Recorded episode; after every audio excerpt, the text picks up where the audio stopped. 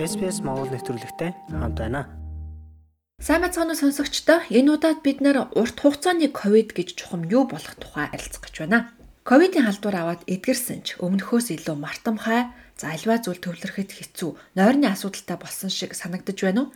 Тэгвэл энэ урт хугацааны ковид байх магадлалтай. Тэгвэл энэ ковидын үед ямар шинж тэмдэг илэрдэг, эргэн хэвийн байдалтай орохын тулд яах ёстой талаар Австралийн эмч судлаачдын зөвлөгөөг энэ удаад хүргэх болно. Сиднейд төвтэй нэгэн төслийн менежер Диана Уотс гэдэг эмэгтэй ковидын халдвараас эдгээд ажилдаа буцаж орсны дараа зарим нэг үгийг зөв бичиж чадахгүй. За бүр ажлынхаа зарим процессыг яаж хийдгэж санахгүй байгаагаа ажиглажээ. Тэрээр ийм үед надад ажлыг маань зааварчлах, хажууд маань туслах хүн хэрэгтэй болсон хэмээн бидэнд ярьсан юм а. Хадагта Уотс 6 дугаар сард халдвар авсан урт хугацааны ковидтай болсон гэдгээ хүлээн зөвшөөрч байна.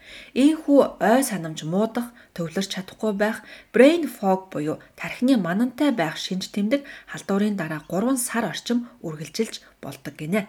Хэдийгээр урт хугацааны ковидыг батлах шинжилгээ байхгүй ч ийм шинж тэмдэг байвал өөр өвчнөд андууралгүй онцлох боломжтой гэж New South Wales мужийн эрүүл мэндийн газраас мэдгдсэн байна. Урт хугацааны ковид буюу халдварын дараах нийтлэг шинжүүд нь тархины манантай байж ой санамж төвлөрөл муудах, нойрны асуудалтай болж ярахад бэрхшээлтэй болох, сэтгэлийн хямрал эсвэл төгшөөр мэдрэгдэх, ядрах зэрэг шинж тэмдэг илэрдэг.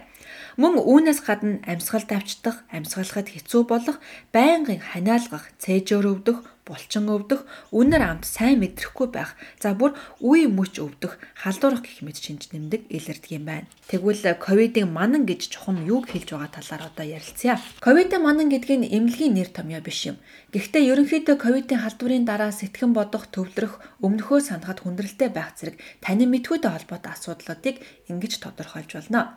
Ахмад насны эрүүл мэнд тусламжийн үйлчилгээний газарт Австральд ковидын манангийн тохиолдлын статистик тоо хараахан гараагүй байна. Харин Сидней хот дахь Сент Винсентийн эмнэлгийн урт хугацааны ковидын клиникийн дэд профессор Захирал Стивен Фаусин хэлж байгаагаар энэ шинж тэмдэг хүмүүсийн дунд түгээмэл тохиолдож байна гэлээ. Эмнэлэгдэрсэн өвчтнүүдийн 10-аас 25% нь ковидын манантай байгаа тухайга эмчтэй хэлжээ. Хэрв бид өвчтнийг танин мэдэх, сурах үйлийнхэн тухай асуувал энэ тоо илүү өндөр болно гэж тэрээр нэмж хэлсэн юм а. Тэгвэл ковидын манан мөн эсхийг яаж таних, хэрхэн арилгах тухай нэвтрүүлгийн дараагийн хэсэгтээ төвлөрөн ярилцъя.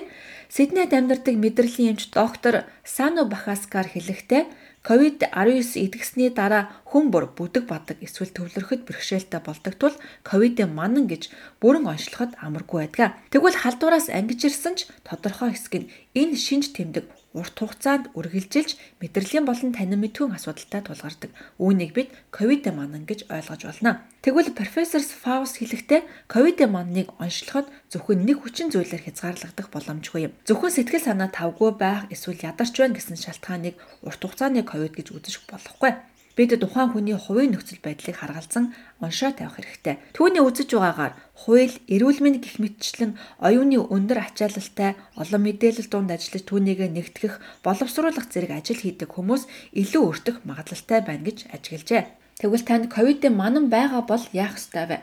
Ихэнх тохиолдолд ковидын манан төр зурах бөгөөд өөрөө аяндаа арилдаг. Нэгдүгээрт та бүү сандраарай.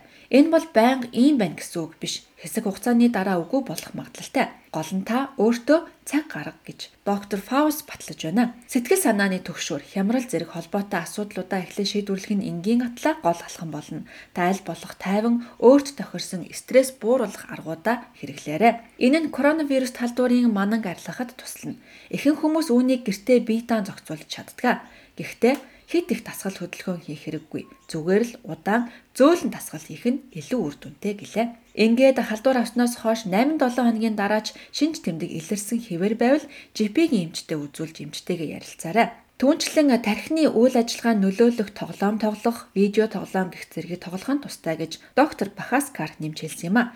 Нэвтрүүлгийн эхэнд халдварын дараа ой санамж нь муудсан хэмээн дурдж байсан хадагта Вуудс тархины манангаас болж эмчтэй уулзаагүйч өөрийгөө үе үе ажиглаж шалгаж байхыг зөвлөж байна. Өөрөөр хэлбэл энэ шинж тэмдэгч нь хэвээр байгаа эсхийг ажиглаж байх нь зүйтэй. Би баг багаар ажлын ачааллаа өөрхийн хэмжээнд тааруулан нэмж идэвхтэй ажилдаг байсан. Бас аль болох сайн хоолдог гэж тэрээр ярьсан юм а.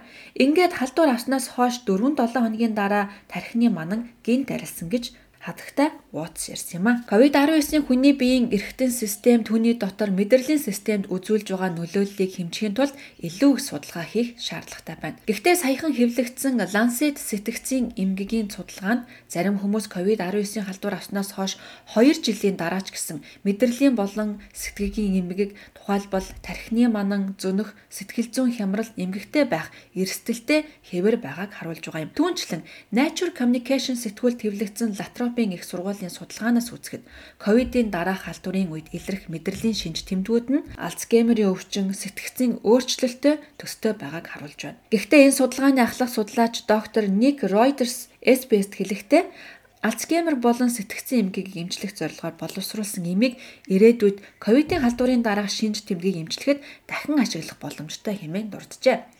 SBS бол ковидын цар тахлын тухай мэдээллийг Австралийн олон хэлт нийгмийн бүлгүүдэд хүргэх үүрэг хүлээдгийн хувьд шин мэдээллийг байн хүргэдэг.